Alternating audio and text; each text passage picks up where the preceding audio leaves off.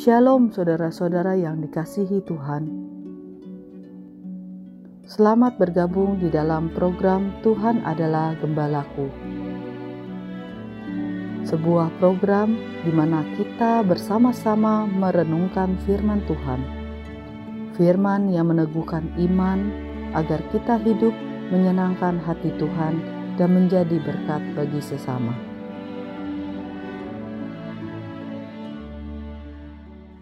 Shalom saudara-saudara yang dikasih oleh Tuhan. Kita sungguh bersyukur hari ini dalam kemurahan dan kebaikan Tuhan. Kita boleh menghirup udara yang baik. Dan jikalau kita telah melalui masa-masa lalu, saudara kita tahu ada tangan Tuhan yang menggendong kita di dalam melalui semuanya itu. Oleh karena itu hari ini kita bersuka cita. Salam jumpa kembali di dalam Tuhan adalah gembalaku. Saudara-saudara yang terkasih dalam Tuhan, sadarkah kita sering kali lama-lama kita menjadi orang yang apatis, saudara? Saudara ngerti arti apatis? Apatis itu artinya tidak peduli lagi.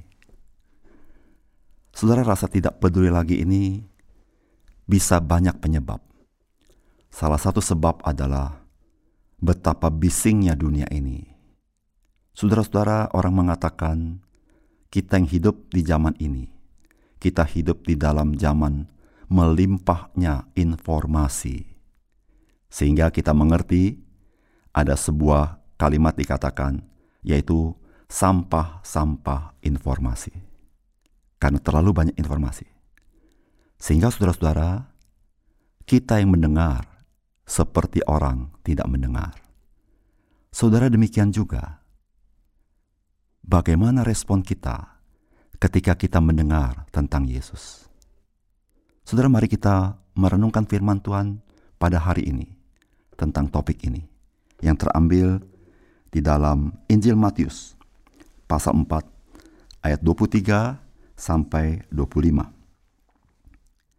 Yesus pun berkeliling di seluruh Galilea.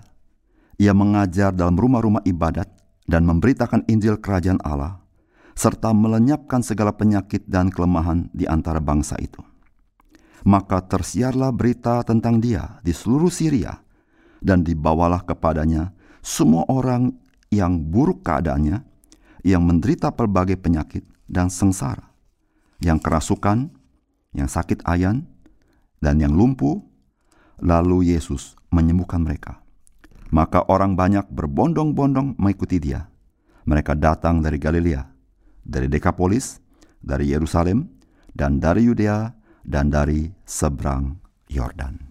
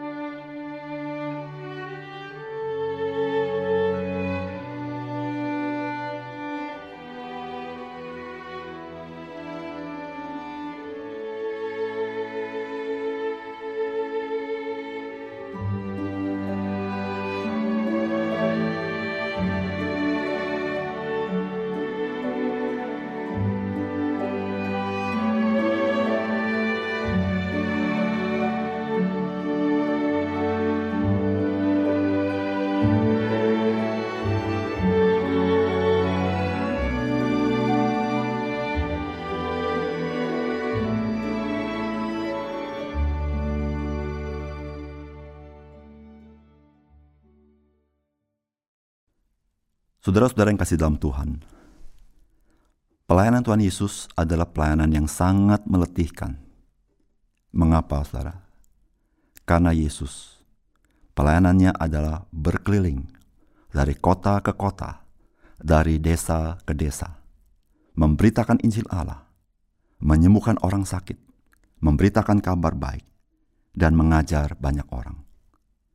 Saudara-saudara yang dikasih oleh Tuhan, banyak orang telah mendengarkan apa yang Yesus katakan, termasuk banyak orang sudah mendengar apa yang Yesus perbuat. Maka saudara Alkitab mencatat seperti ini. Maka tersiarlah berita tentang dia di seluruh Syria dan dibawalah kepadanya semua orang yang buruk keadaannya.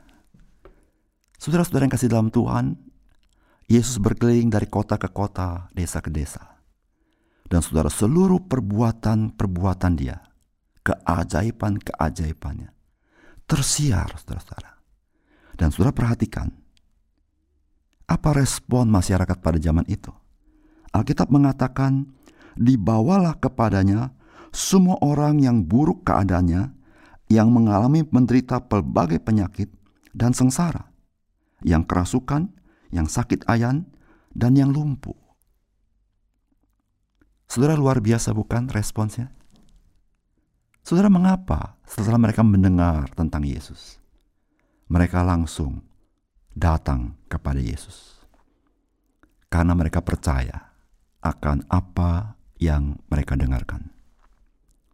Saudara-saudara yang dikasih oleh Tuhan, berapa sering saudara mendengar nama Yesus? Berapa sering saudara membaca Alkitab tentang perbuatan-perbuatannya? Berapa sering saudara mendengar begitu banyak orang ditolong oleh Tuhan Yesus? Pertanyaannya adalah, Bagaimana respon saudara? Apakah kita bersikap seperti kita mendengar informasi-informasi di dunia ini? Kita menjadi tidak peduli. Kita menjadi apatis. Kita membiarkan saja. Dan kita selalu berpikir seperti tidak ada gunanya. Saya datang sama Tuhan Yesus. Saudara-saudara yang kasih dalam Tuhan, Saudara Tuhan Yesus tidak berubah. Dulu, sekarang, bahkan sampai selama-lamanya. Kasihnya tidak berubah. Kuasanya tidak berubah. Saudara, jikalau dia bisa menolong orang pada zaman itu, dia pun bisa menolong saudara pada zaman ini. Meskipun dengan cara yang berbeda. Tapi saudara-saudara yang kasih dalam Tuhan, saya mengajak saudara meninggalkan keapatisan kita. Mengajak saudara meninggalkan keraguan-raguan kita untuk kita datang kepada Tuhan Yesus. Saudara-saudara, tidak peduli pergumulan saudara apa, tidak peduli kesulitan saudara seperti apa, mungkin kesulitan besar, mungkin kesulitan kecil. Saudara-saudara, ada kabar baik bagi saudara. Yesus menantikan saudara. Yesus menunggu saudara. Yesus mau menolong saudara. Yesus mau memeluk saudara. Saudara-saudara, apakah engkau seperti orang-orang di seluruh Syria, di seluruh Yudea, di Dekapolis, datang kepada Yesus dan mengalami pertolongan Tuhan Yesus?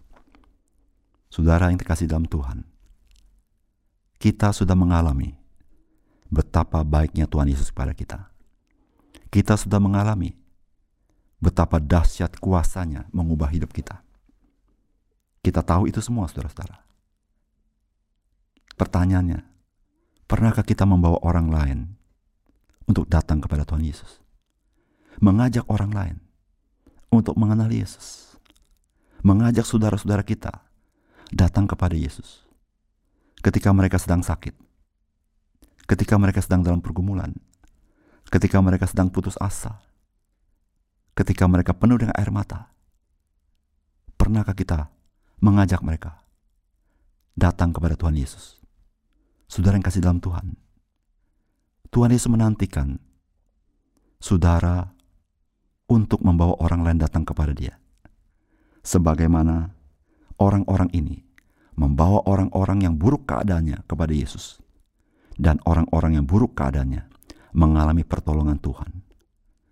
Saudara-saudara yang kasih dalam Tuhan, kita sering mendengar nama Yesus di gereja, ketika kita baca Alkitab, ketika ketemu orang percaya. Tapi pertanyaannya, apakah nama itu menjadi salah satu kebisingan dalam hidup kita dan kita apatis kepadanya? Padahal Yesus sangat menantikan kita. Mari saudara-saudara, dengan iman kita datang kepada Tuhan Yesus. dan kita mengalami pertolongan demi pertolongannya. Mari kita berdoa. Bapa kami di surga, betapa sering kami mendengar nama Yesus.